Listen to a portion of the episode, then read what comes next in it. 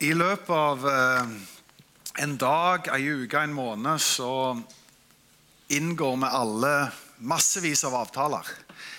Det kan være avtaler med kona om å gå og handle i butikken. Det kan være avtaler med ungene om å hjelpe med lekser. Det kan være hente og bringe. Det kan være på jobben. Og vi har mengder av avtaler som er alvorlige i ulik grad. Noen ganger så er de litt sånn løse, og de er fullt mulig å endre på. Det gjør liksom ikke noe om du ikke holdt den avtalen. Det var ikke verdens undergang. Mens andre ganger så er avtalene dypt alvorlige og veldig, kall det, forpliktende. F.eks. hvis du skal ta opp lån med banken, så nytter det ikke å ha en løs avtale og si vi får se om jeg gidder betaler. Men da har du liksom fått penger, og de skal forvente at du holder avtalen fra andre sida.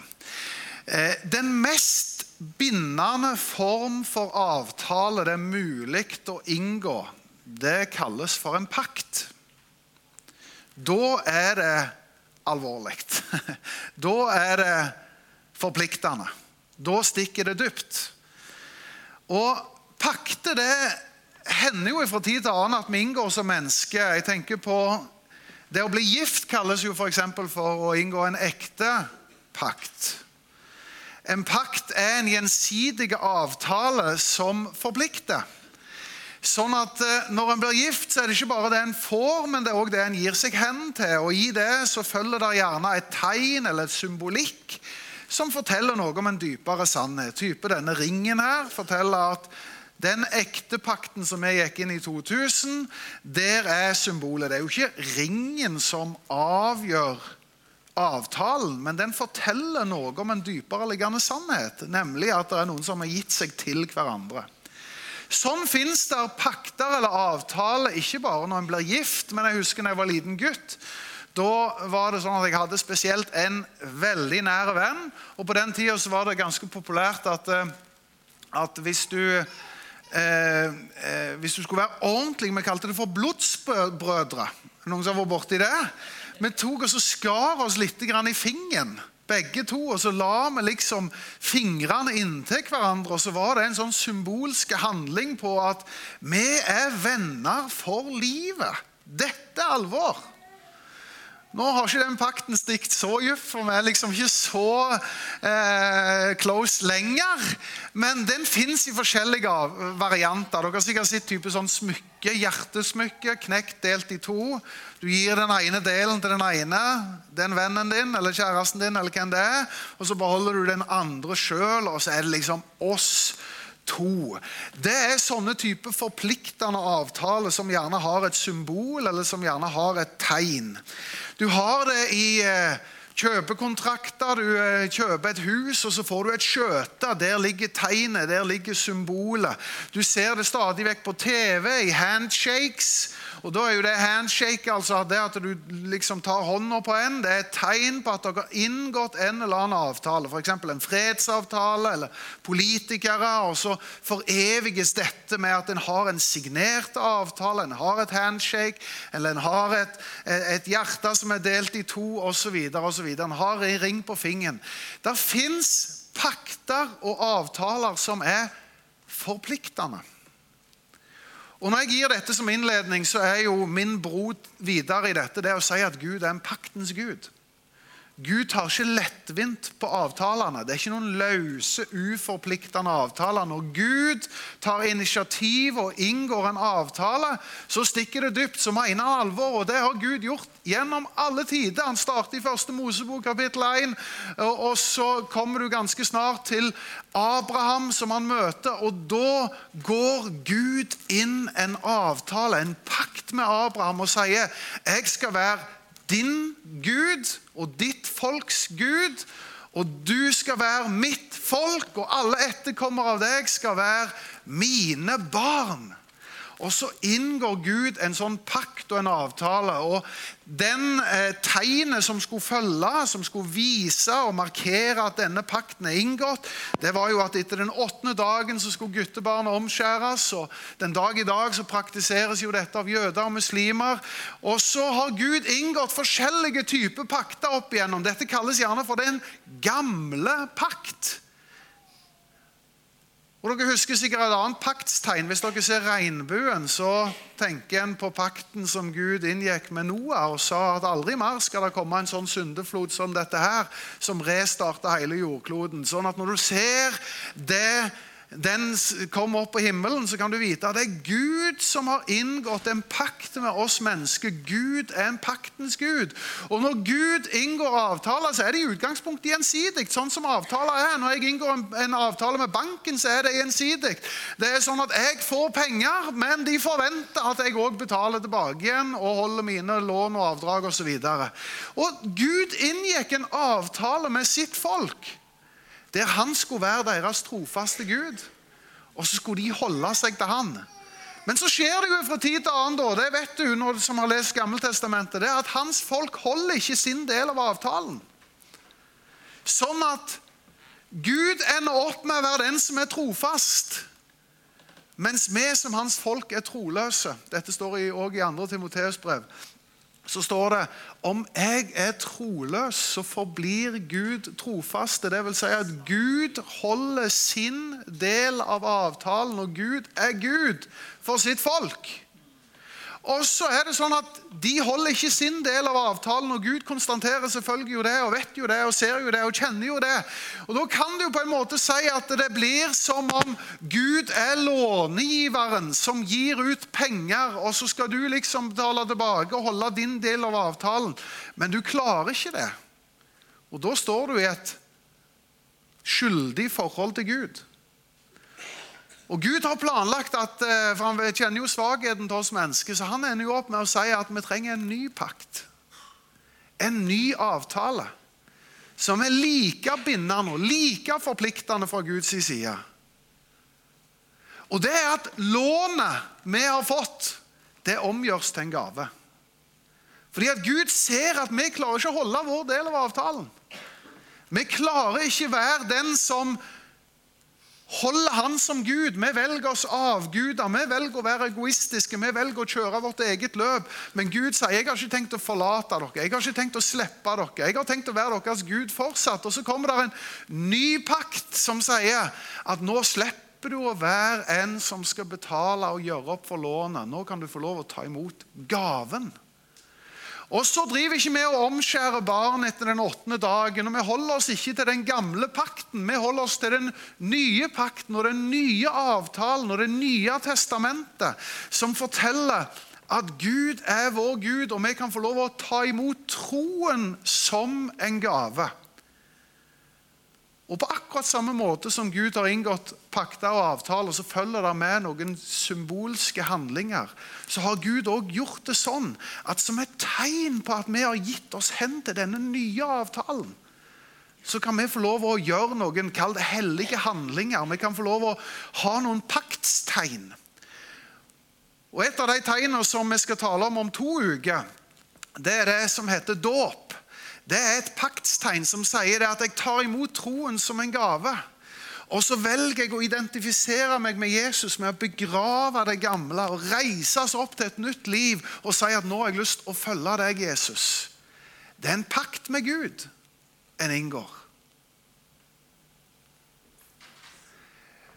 Men så er det sånn at mange av disse paktene de er altså type sånn ektepakten, det er, Malen er jo at det skal være en engangsforeteelse. Malen er at du skal holde deg til den du har sagt du skal dele livet med. Malen når det gjelder det å gi seg hen til etterfølgelse av Jesus og ta imot troen, det er det at du døper deg én gang. Du døper deg ikke hver uke. Eller nå føler jeg for å døpe meg, så nå må jeg gjøre denne her hellige handlingen. Nei, det er noe du gjør én gang.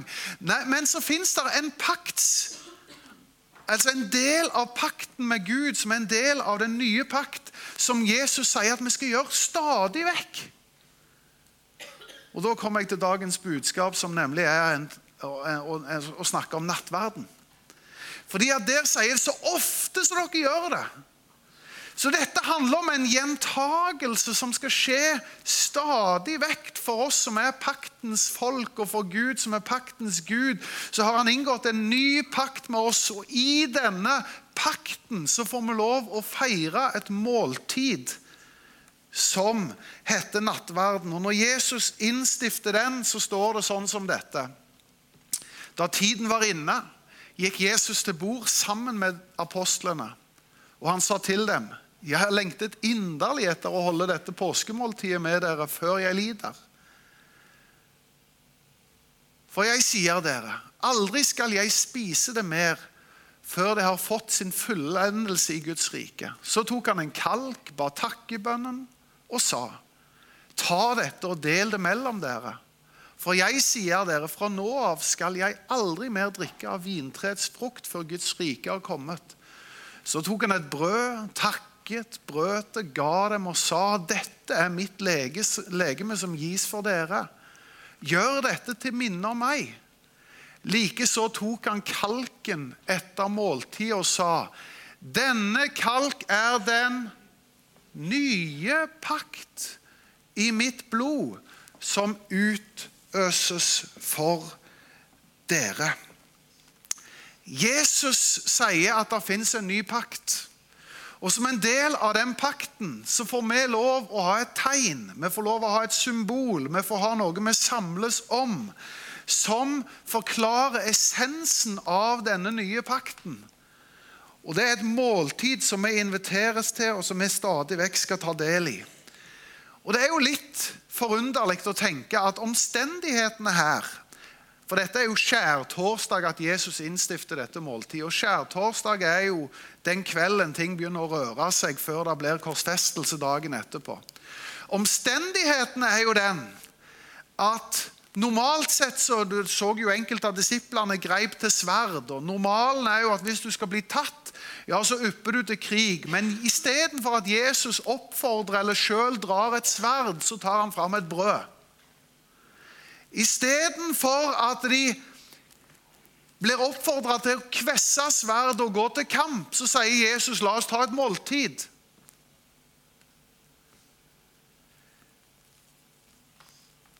Jeg syns det er forunderlig å se at istedenfor at de begynner å banne og sverge og si noe om urettferdigheten de får oppleve, så velger Jesus å gi en takk. Omstendighetene er jo kaotiske. Men Jesus innstifter et måltid som forteller alt om at han er fredens Gud, forsoningens Gud, tilgivelsens Gud. Og Så samler han sitt folk rundt et måltid så sier han, så ofte som dere gjør dette, så skal dere gjøre det til minne om meg. Og Vår overbevisning i vår tradisjon er jo at dette er en veldig sterk symbolikk. Og På gresk så har jeg hørt noe sånt som at det greske ordet for symbol det er symbolon. Eller symbolion. Og Det står som motsetning til diablo. Og Hvis noen av dere kjenner til ordet diablo, så står det for djevelen. Mens symbolene står for å sammenføye. Og Der har du motsetningene som møtes der. Det er en Gud som har lyst til å sammenføye, forene og samle. Og en djevel som har lyst til å splitte og ødelegge. Så når Jesus inviterer til måltid, så er det for å samle sin flokk og si La oss samle oss om paktens Gud, som har gitt sitt liv som en gave for oss, som har sona for oss på korset, som har dødd og oppstått for oss. Det er et fantastisk mulighet å få lov å inviteres til et måltid. Og Når jeg sier dette, så må jeg si at Helt ærlig så har jeg hatt et ganske anstrengt forhold til nattverden opp gjennom tidene. Helt ifra jeg ble en, ja, Før jeg ble en kristen, forsto jeg iallfall ingenting. Jeg mener, Stå i kø for å spise noe så inkjevetta lite som ikke smaker spesielt godt. De kalte det et måltid, men det er jo bare en liten brødbit. Det er jo absolutt ikke noe å bli mett av. I hvert fall. Og Jeg har mange ganger tenkt at det å stå i kø der og, eh, Jeg syns det har vært litt sånn anstrengt. Og så har jeg begynt å få et helt nytt bilde for det når jeg begynner å se teologien og innholdet, og hvor egentlig sterkt det er det Jesus innfører. Han innfører et paktsmåltid, så vi får lov å minnes han, feire han, og vi får lov å se dybden i hva han har invitert oss til. Jeg har lyst til å bare vise til dette verset også, som står, Hebre, står i Hebreerne kapittel 9 og vers 15-17 så er det Kristus mellommannen for en ny pakt. Han døde, og det ble til forløsning fra overtredelse under den første pakt. Altså Ser dere det at i, i, i den første pakt så har vi hatt overtredelser. Vi har ikke holdt vår del av avtalen.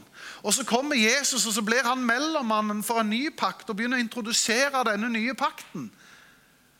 For at de som er kalt, skal få en evig arv som var lovet. Wow! Det er med pakten som med et testamente. Det må, eh, må godtgjøres at den som har opprettet det, er død. Først når han er død, er det gyldig. Og det trer ikke i kraft så lenge han lever. Hva er det der egentlig står her? Det er det at det kommer et nytt testamente, en ny pakt. Og han som har oppretta det, er Jesus Kristus. Og Sånn er det jo med testamentet, folkens. At hvis du står i et testamente, så er ikke det gyldig før personen er død. Men når personen er død, så er det gyldig, og så er du arvingen. Og da er spørsmål er Jesus død. Ja. Han er også oppstanden, oppstanden, men han er død. Det vil si, han har levd, og han har sont. Og han har ofra seg for oss, som gjør at vi kan lov å lese Bibelen som arvinger. Og få lov å si at dette er vårt. Det er den nye pakt. Dette gjelder meg. Den gaven som Jesus presenterer og introduserer og gir oss, den kan jeg ta del i. Og så finner jeg diamanten eller gullet eller skatten samla i et måltid som forteller alt om hva denne arven egentlig inneholder. Nydelig. Så i kall det avslutningen før vi skal gå til selve nattverden, så jeg har jeg lyst til å peke på hva nattverden dypest sett er for oss som troende. Hva er det som skjer? Hva er det unike? Og Her røper jeg alle fire punktene med en gang, men jeg har lyst til å bare starte med det første og si det at eh, i forskjellige kristne tradisjoner så er det litt forskjellige lærer om hva innholdet i nattverden er. I den katolske læren jeg skal ikke bruke mye tid på dette, men i den katolske læren så, så læres det at dette er det helligste av, eh, av de syv sakramentene de har. Og, og Der er det sånn at de fysisk tror at det brødet og vinen som ligger der, det er Jesu legeme. Altså Helt fysisk blir det Jesu legeme. Jeg klarer ikke å henge med i det hele tatt på den læren. Men det betyr at de forvalter det og tar vare på det på en helt spesiell måte. Du kan ikke kaste noe, og det er kun i spesielle messer du kan ha samlingen. og Det er kun spesielle personer som kan utføre det og gjøre det. Du må liksom være autorisert som prest og biskop eh, eller pave for, for å gjøre den handlingen. I den lutherske læren, som eh, jo er en sterk tradisjon i Norge, så, så lærer de jo ikke det som katolikkene lærer, men de sier at, at Jesus er til stede eller tar bolig i brød og vinen. Det er òg en praksis som vi ikke har holdt opp eller har kalt det trodd på i våre sammenhenger. Det betyr ikke at vi ikke deler nattverd med for du kan jo legge hva du vil i det. Det handler jo om hva du legger i det. Men det som er læren i våre sammenhenger, det er jo at dette er symbolsk det er at dette er et minnesmåltid. Sånn at Når Jesus introduserer det, så sier han gjør dette så ofte som dere gjør det til minne om meg. Det er et minnesmåltid. Og Når Paulus tar det opp i 1. Korinterbrev kapittel 11 og begynner å ta det med korintermenigheten, så sier han gjør dette så ofte som dere gjør det til minne om meg. Og Hvorfor er det viktig å si at nattverden er, handler om å minnes? Jo, fordi at det som har båret evangeliet gjennom 2000 år, det er ikke først og fremst at kirka, de kristne, har vært veldig innovative og skapt mye og fått produsert mye. Men det er først og fremst det at vi har vært i stand til å minnes det som har skjedd. Som kirke er det ikke først og fremst vår utfordring å kalle det skape noe nytt og skape resultater, men det handler først og fremst om å lene seg tilbake igjen på det som allerede har skjedd. Det handler ikke først og fremst om å se framover på det som skal skje, men det handler om å se bakover på det Jesus allerede har gjort. Og Så er det selvfølgelig mye som ligger framme som skal skje, og vi ser fram, det er løfter om evighet osv. Men som kirke er vårt første oppdrag det er å minnes Jesus. Og dette var det som sto sterkt i den første kristne tradisjonen. De minnes stadig vekk. Trofast eller urokkelig holdt de fast ved brødsbrytelsen, ved nattverden, ved måltidet. Det tviholdt de på. Og Det var det som var med og bar det gjennom de første hundre årene med troen. Det var det at de feira måltidet. Og i dette så fikk de få lov å ta del i hele budskapet. Det er et minnesmåltid som sier noe om essensen av evangeliet. Det er at Jesus døde på korset for våre synder. Han sonte vår straff ved å gå til dødsriket. Han overvant døden ved at han sto opp igjen den tredje dag. Og han viste seg som seiersherre. Så han er gitt all makt i himmel og på jord. Og han får lov å være vår frelser. Vårt håp, vår framtid. Og i nattverden så har vi hele denne pakken. Nattverden er å minnes Jesus. Dernest så vil jeg si at nattverden handler om at vi formes.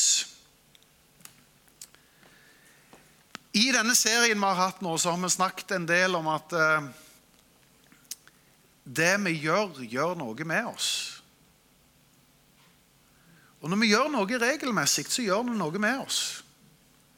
Apostelgjerningene kapittel 2, vers 46, så står det at de holdt sammen. og I tempelplasser og plassen så samles det, og i hjemmet så brøt de brødet, står der. De første 300 år hadde jo ikke de kristne noen kirke å samles i. Hvor var det de var samla? Jo, det var tempelplasser de kunne samles på. Eller så var det på hjem, i hjemmet. Det var hjemme i stua, kan du si. Der foregikk menighetsfellesskapet. Og der delte de Herrens måltid. Der delte de nattverden. Der minnes de. Og gjennom dette så tror jeg òg at de var med, det var med å forme dem. Fordi at der er det deltakelse. Du tar del i det. Du vet at Mange ganger så kan det med tro bli litt sånn abstrakt eller diffust. Men i nattverden så begynner du å konkretisere hva troen din handler om. Det fins et brød.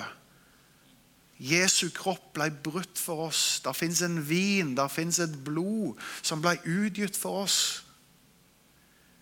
Og med at jeg tar det til meg og spiser og drikker av dette, så tar jeg aktivt del i det som er essensen av min tro. Og dette er med å forme våre liv. Det tredje i nattverden det er at vi forenes. Forenes i den forstand at dette er et fellesskapsmåltid. Nattverd betyr fellesskap, eller direkte oversatt så betyr det kveldsmat. Og kveldsmat eller måltid, det er fellesskap. Og når Paulus hadde behov for i første Korinteren å ta dette opp med menigheten i Korint, så var jo tilfellet det at de hadde vært menighet i noen år. Men de fortsatte i sporet av det som var det gamle, nemlig at folk var splitta opp i lag. Og, og, og, og, damene måtte sitte for seg sjøl, og jødene var for seg sjøl, og mennene var for seg sjøl. Det var liksom splitta opp i partier. Og så sier Paulus at nei, nei, nei, folkens, det må ikke være sånn at vi har partier iblant oss, eller at vi, vi, vi liksom sitter i forskjellige leirer. Her forenes med alle i det samme måltidet. Så er vi ett stort fellesskap. Dette er grensesprengende måltid. Fordi at det blir litt sånn all inclusive.